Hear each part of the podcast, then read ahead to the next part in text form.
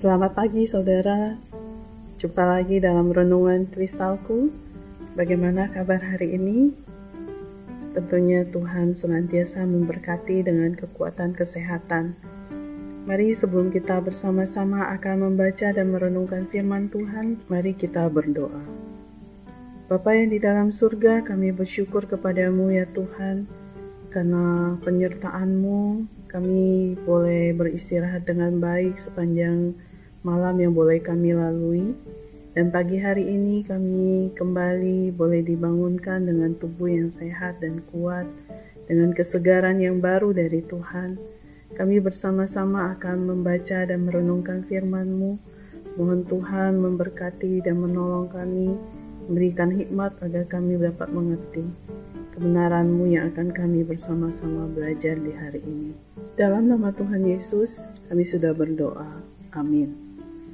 Saudara pembacaan firman Tuhan hari ini dari kitab Ayub pasalnya yang kedua, ayat yang ke-9 hingga ayatnya yang ke-13. Demikian firman Tuhan. Maka berkatalah istrinya kepadanya, Masih bertekunkah engkau dalam kesalehanmu? Kutukilah alamu dan matilah.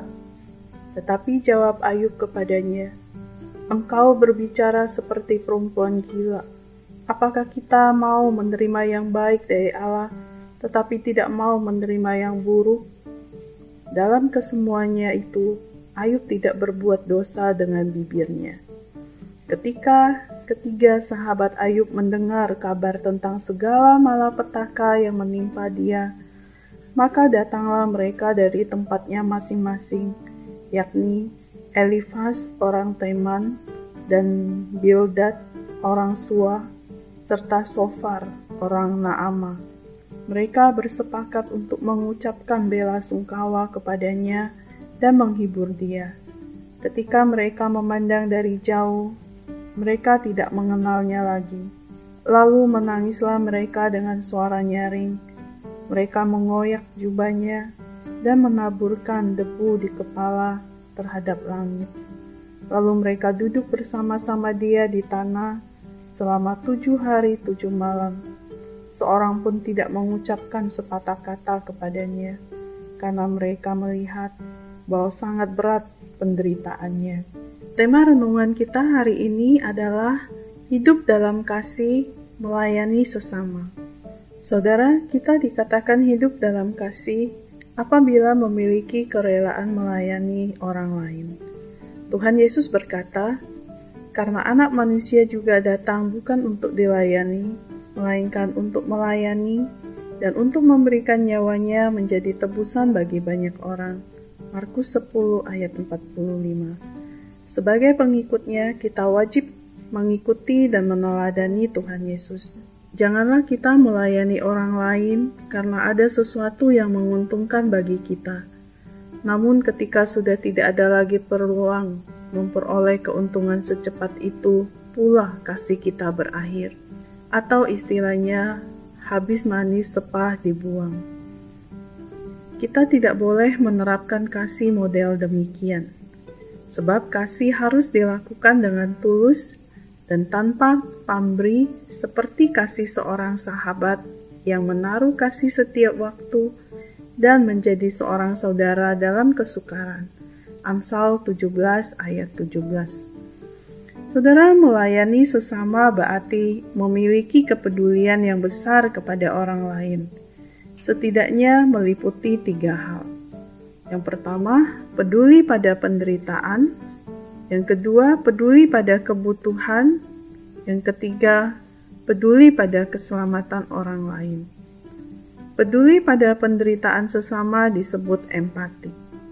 Empati artinya memiliki perasaan yang sama seperti yang dialami orang lain, khususnya mereka yang sedang tertimpa musibah, kemalangan, dan juga permasalahan hidup.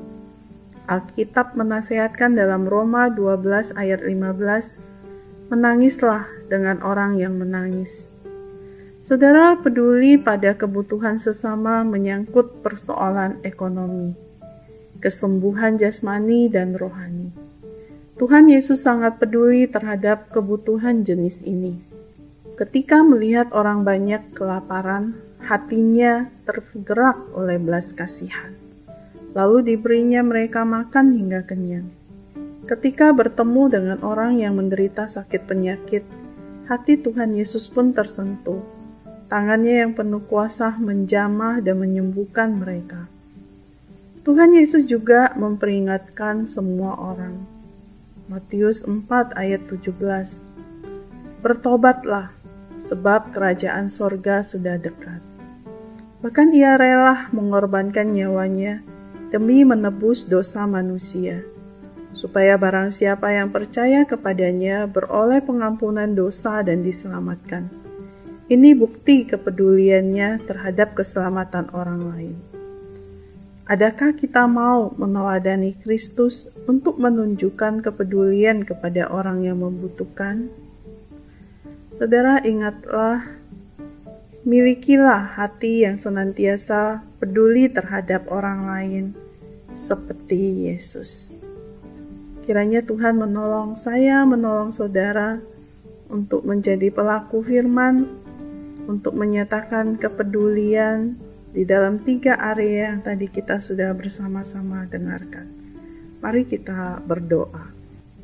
Bapa di dalam surga, terima kasih karena Engkau sendiri memberi kami keteladanan ya Tuhan, bagaimana menyatakan kepedulian kami di tengah-tengah kehidupan ini.